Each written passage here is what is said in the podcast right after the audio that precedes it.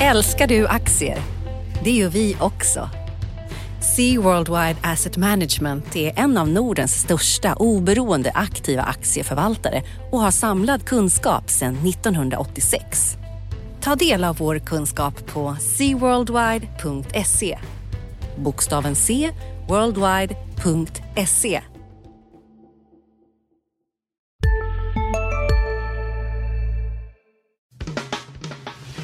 Analyspodden från Dagens Industri. Hej kära lyssnare och välkomna till avsnitt nummer 250 av Dagens Industris analyspodd. Podden där vi går igenom de viktigaste händelserna på finansmarknaden under veckan som varit och veckan som kommer. Idag står jag, Johanna Jansson, här i studion tillsammans med Johan Wendel. Hallå, hallå. Det var länge sedan du och jag stod i den här studion. Jag tycker det ska bli jättespännande. Vi ska prata spelmässa, vi ska prata eh, spelodds för räntesänkningar och eh, eh, lite storaffärer, eller hur? Absolut. Men om vi börjar med bara en kort, eh, kort sammanfattning av börsen i veckan. Vad har hänt? Ja, men du, eh, smilbanden är ju uppåt här kan man väl säga. Eh, börsen hade åtta raka uppgångsdagar och då pratar vi Stockholmsbörsen då, OMXSPI, breda indexet. Idag är det lite tristare utveckling så att det kan nog eh, brytas här på fredagen, men eh, marknaden verkar le. Jag vet inte riktigt varför, jag ska inte sia i det. Jag tänker att det är liksom, man slits lite mellan dels den här konjunktur och handelsoron och sen hopp om räntesänkningar från Federal Reserve. Kan det vara en... Ja, argumentationen är någonting så här att eh, börsen ska upp därför att det finns eh, en chans att eh, Fed sänker räntan och sänker inte Fed räntan så betyder det att ekonomin går bra och då ska vinsterna öka och då ska börsen upp också. ja, precis. Så det är en win-win. Exakt. Ja, ja, men så kan det vara. Eller så blir det en lose-lose därför att det är Fed sänker på grund av en konjunkturoro som faktiskt besannas. Vi får se. Och vi återkommer till det som händer nästa vecka. Men det som har hänt i veckan, apropå centralbankerna, det är ju att vi har fått en hel del inflationsutfall. Ja, Tittar du på sånt? Ja, absolut, absolut. Ja. Jag vet inte vad jag ska göra med informationen, men jag tar till mig den och noterar den. Och det är därför jag står här med dig, för att få lite klarhet i vad det här innebär. Vi hade ju inflationsutfall här på fredagen. På DI satte vi kanske den lite elaka rubriken Skrällen. Riksbanken fick rätt. Ja, precis. Exakt, för Riksbanken fick nästan rätt, eller de fick rätt för andra månaden i rad faktiskt. Eh, det, det som vi fick var en KPIF-siffra eh, då som är det mål, eller det, den variabel som eh, Riksbanken följer. Den var 2,1 procent i maj, strax över inflationsmålet men då spot on på Riksbankens prognos. Det var två tiondelar högre än marknadens prognos. Det blev faktiskt en eh, effekt. Vi såg kronan stärkas eh, med ungefär 5 öre, lite drygt faktiskt, mot både euron och dollarn direkt efter beskedet. Så att, eh, jag kan tänka mig att på Riksbanken så är man lättad över det här inflationen är i linje med inflationsmålet. Eh, man ser att inflationsutvecklingen på hemmaplan faktiskt har återhämtat sig. 2014 så hade vi faktiskt noll. Noll i inflation och nu är vi runt 2 procent. Så om man lyfter blicken och ser det i det perspektivet så, ja, what's not to like om man sitter på Brunkebergstorg. Jaha, men eh, betyder det här att vi får en räntehöjning senare i år? För den har ju eh, varit eh, skrotad har det nästan låtit som på alla prognosmakare. Ja men precis, för i Riksbankens senaste prognos så var det att de skulle höja vid årsskiftet 2019-2020 och upp då från minus 0,25 som de har nu. Och jag kan tänka mig att de gärna skulle vilja komma bort från den här minusräntan för den sticker i ögonen på folk. Men det som vi har fått nu, det som man kan säga, den här effekten vi såg på kronan idag, det handlar nog dels om att den var högre än marknaden förväntat sig, men också att den faktiskt skiljer sig från det vi har sett i omvärlden. När vi, vi har fått inflationsstatistik även för USA och för euroområdet och också för Danmark och Norge i veckan. Och i samtliga regioner så var inflationen lägre än väntat och framförallt så sjönk den mellan månaderna, alltså mellan april och maj. Så att Sverige sticker ut lite och det här med den här lite skakiga omvärlden och oron kring, eh, ja men som vi sa, handelsoron och konjunkturutsikterna, så här, det kommer ju prägla Riksbanken under hösten och under resten av året. Det är framförallt det som avgör om de kommer kunna höja igen eller inte. Så det återstår att se. Jag tror att man ska se den här siffran som att en del av pressen på Riksbanken att bli lite mer duvaktiga, precis som Fed och ECB eh, har blivit i viss mån. Framförallt Fed då. Den har försvunnit nu. Men sen om, de, om det räcker för att de ska höja, det återstår att se. Men ba, bara en uh, kort uh, slutfråga här på inflationen. Är det en inom citationstecken bra inflation eller är det här någon sorts importerad inflation som vi har fått via försvagad kronkurs? Eller vad, vad är, what's ja, the deal? Alltså jag vet inte vad är bra inflation, men det, det, jag tror att det här har med kronan att göra. Det finns ju inga bevis för det annat än att man kan titta på vad det är som stiger i pris och vad som inte stiger så mycket i pris. Det som har stigit i pris under maj är kläder. Det, eh, och det är en stor del av det importeras från omvärlden. Det är livsmedel, samma sak där. Det är även restaurangbesök och hotellnätter. Och det är inte omöjligt att vi faktiskt har en ökad efterfrågan på den typen av tjänster i Sverige. Därför att dels för att fler svenskar stannar hemma på sin semester och sen för att fler utlänningar kommer till Sverige och semestrar här. Så att om du frågar de som jobbar i hotell och restaurangbranschen, ja men då tycker de nog att det här är bra inflation. Ja, vi får se vad som händer i slutet av året här, om det blir en äh, återgång till äh, nollränta och ja, går, lämna minusräntan. Ja, det är ju slutet på en era i så fall. Ja, men jag tror att i en miljö där Fed väntas sänka, som sagt, vi, då är det svårt för Riksbanken att gå vidare med höjningar. Men, men som sagt, det är mycket av det här ligger i vad som ska hända och vi har ett par viktiga datum här under sommaren som man verkligen ska hålla koll på. Men som sagt, vi återkommer med det om vi blickar bortom det här, centralbanker och politiskt stök och annat, så har vi haft en del stora, alltså mer bolagsspecifika händelser på Stockholmsbörsen. Vi har en eh, IPO på gång Ja, eh, Scania gör comeback här eh, i kombination med MAN, då, tyska lastbilskoncernen. Här. Och de, det är ju Volkswagen som ska särnotera sin lastbilsdivision här under namnet Traton. Vi konstaterar att det låter ganska likt eh, Triton, så att man får lite mytologiska eh, associationer. Eh, nu har de ju eh, kommit idag med sitt teckningsintervall och vad var det? Vad sa Mellan vi att... 27 till 33 euro per aktie. Så att... ja. Det beror på, exakt, det beror på kronan, men, men med, motsvar, med dagens växelkurs någonstans mellan strax under 290 till strax över 350 eh, kronor.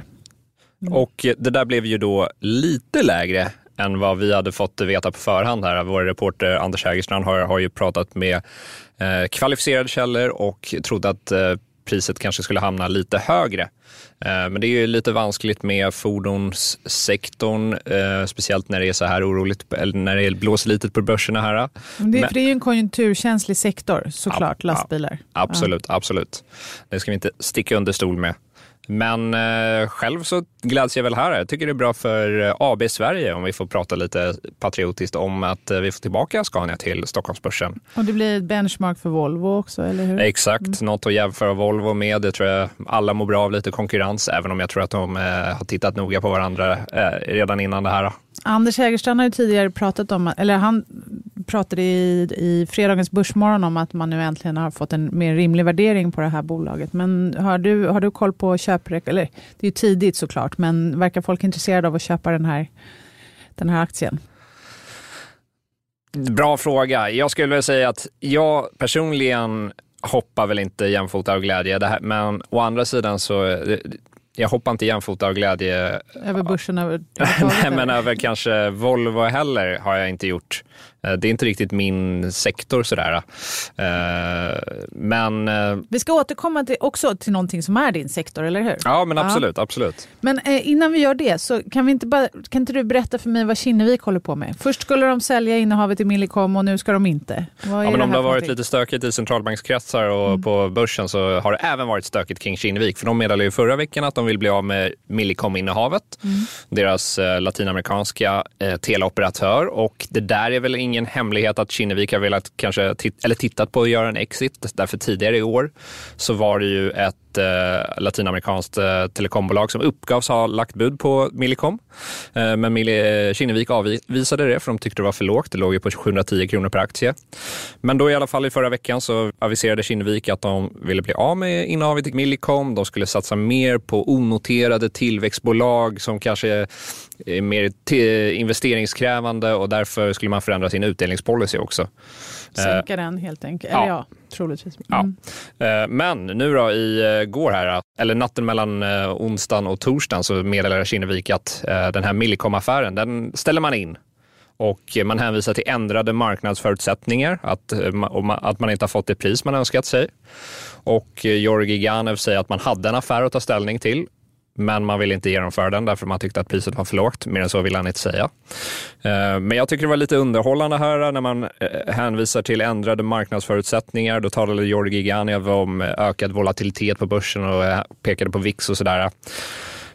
Man kan konstatera att... VIX-index är det här som i USA som mäter eh, volatiliteten i S&P 500. Så att när VIX-index går upp, det betyder att börsen har gått ner egentligen. Ja, och VIX, man kan ju fråga sig hur framåtblickande det är. Det är mm. väldigt bra på att berätta hur det har varit. Mm. Eh, men i alla fall, börsen hade gått upp eh, ungefär 5 procent sen eh, Kinnevik meddelade det här Millicom-försäljningen. Och så hänvisar man då till ändrade marknadsförutsättningar. Men jag tycker det är lite märkligt agerat. Det är fler som har gjort den reflektionen jag vet inte om Kinnevik spelar någon sorts avancerad bluffpoker här när man har något House of Cards-spel på G. Eller om det bara är en, eh, ja, man har gjort en miss helt enkelt. Det framstår ju som en miss faktiskt. Ja. Sista dagarna nu på vårens stora season sale. Passa på att göra sommarfint hemma, både inne och ute. Och fynda till fantastiska priser. Måndagen den 6 maj avslutar vi med Kvällsöppet i 21. Välkommen till Mio. Nu släpper vi en ny podd. Expressen Dock Einar han, går in i fel gård, förstår du? Och sen där, en annan skytt jag tror kommer emot honom och, och fortsätter skjuta. Lyssna på premiäravsnittet. Mordet på Einar, det sista vittnet. Med mig, krimreporter Nina Svanberg. Hon började skrika på mig. Backa hon började säga. Så vad, vad hände? Så hon bara, han är död. Så jag bara, vad säger du för något? Så hon började skrika, han är död. Så jag sköt honom nu en meter. Lyssna i appen eller där poddar finns.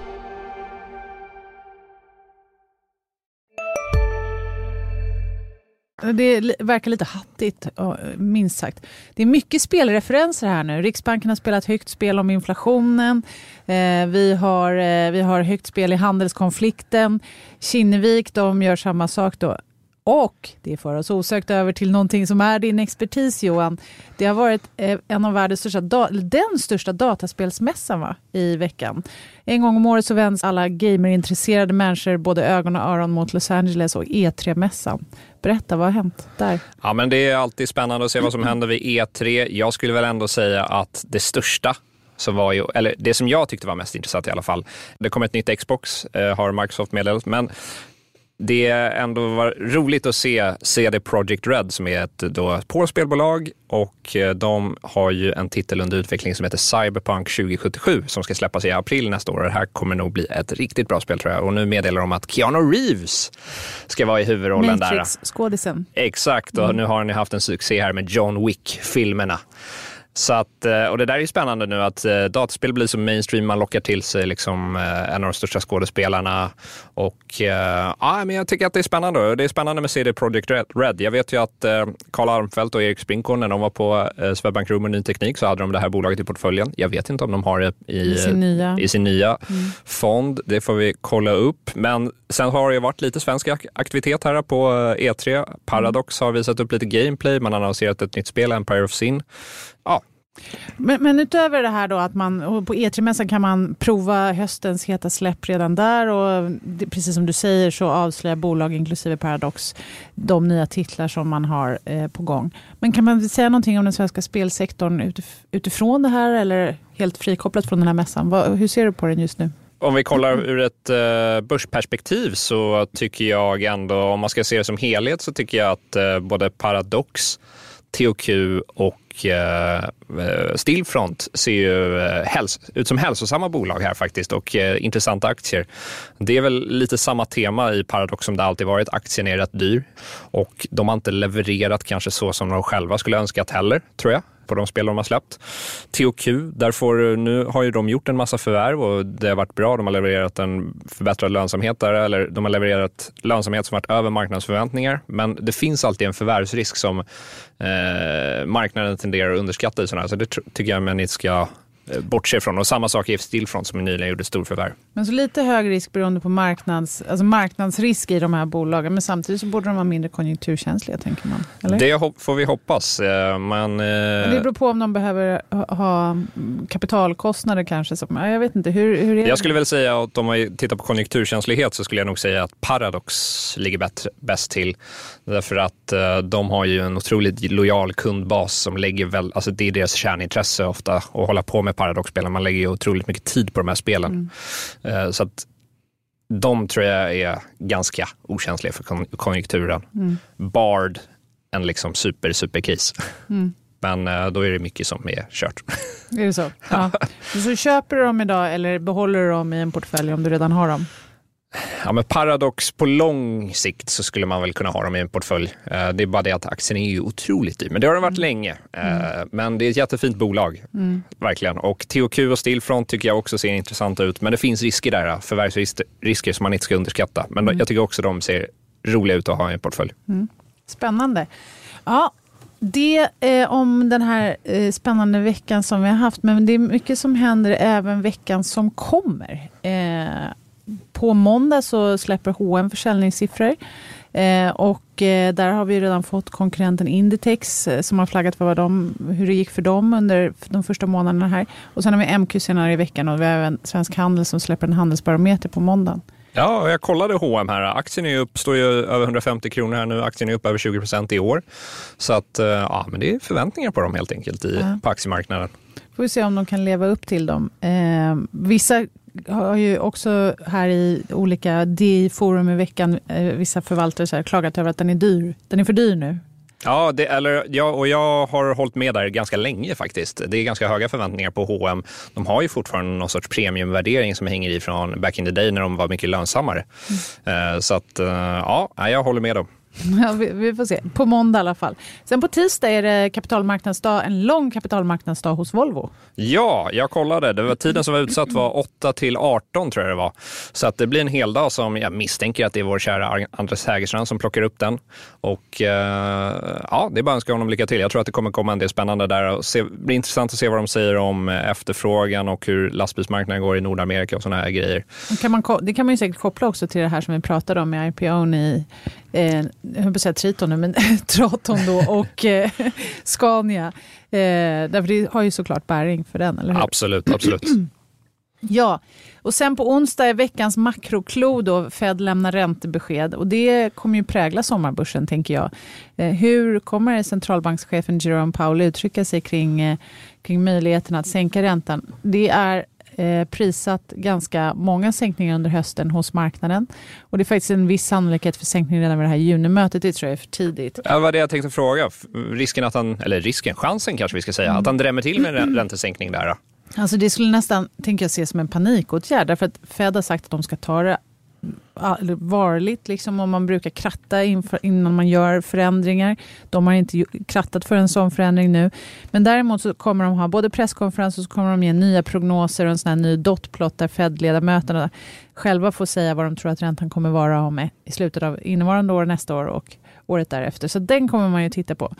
Och där har det ju tidigare varit, liksom inte synts några räntesänkningar. Det kanske syns i nästa och det är väl ungefär det som borde ligga i förväntningsbilden.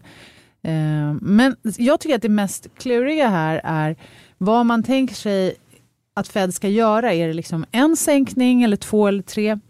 och sen så ska man fortsätta höja igen eller är det här början på liksom en större nedgång? Därför där spretar prognoserna lite på marknaden beroende på vilken typ av makroscenario man har för de kommande åren.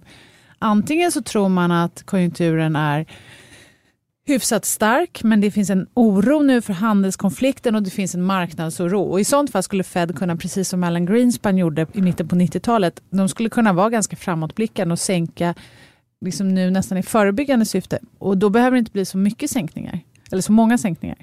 Eller så har man en mer negativ makrosyn och då är det liksom början på en större nedgång. Man kan säga att den nedgång som vi sett i inköpschefsindex och sådär under våren, den talar för att centralbankerna ska sänka. Och vi har redan haft Nya Zeeland och Australien som har levererat sänkningar.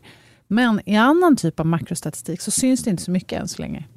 Men, men eh, kan Fed eh, skicka några signaler angående QT, alltså quantitative tightening som man Jo, håller men på det med? kan de göra. Det har de ju liksom bromsat in eh, redan.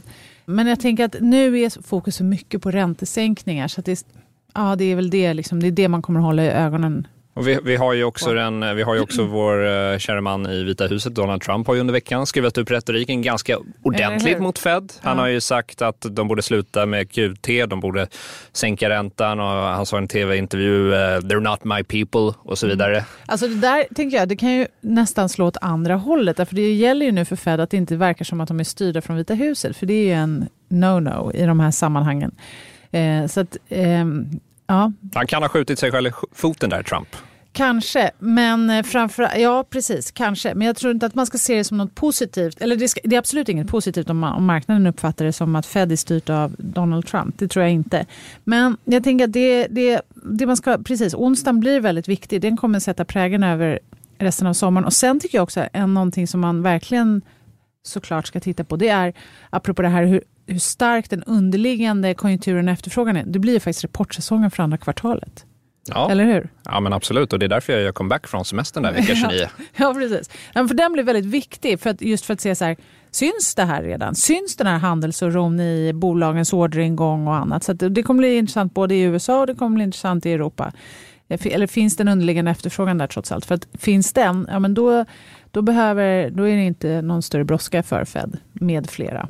Ja, men det blir mycket spännande sommarveckor där. Vi, Vecka 28, 29 när det kommer många rapporter. Då får ni hänga med då, tycker jag. Då får ni lämna hängmattan. Precis, och vi kommer fortsätta köra Analyspodden under sommaren. Och, eh, om ni, eh, sen ska ni ju förstås inte missa våra andra poddar här på Dagens Industri. Vi har Makrorådet som hade säsongsavslutning här i veckan. Vi har Digitalpodden och sen så har vi också podden Förnuft och känsla som, eh, där eh, vår kollega Caroline Åkerlund pratar med vd och andra näringslivsföreträdare om ledarskap och annat. Och glöm inte bort att man kan få uh, tv-program som Ekonomistudion i poddformat. Så att, eh, Precis. perfekt att lyssna på bussen eller tunnelbana eller i bilen om man Just inte kan titta på en skärm. Mm, ja, men precis så är det. Så att, eh, ibland förvånas jag över när vi pratar om strukturförändringar och sådär Johan, att tänk att radio skulle bli vårt nya medium. Nej, men jag, jag, jag diggar det. Jag, jag diggar det också. Bra. Och vi diggar er alla lyssnare. Så ha en trevlig helg. Tack för idag. Tack. Hej. Analyspodden från Dagens Industri. Programmet redigerades av Umami Produktion. Ansvarig utgivare Peter Fellman.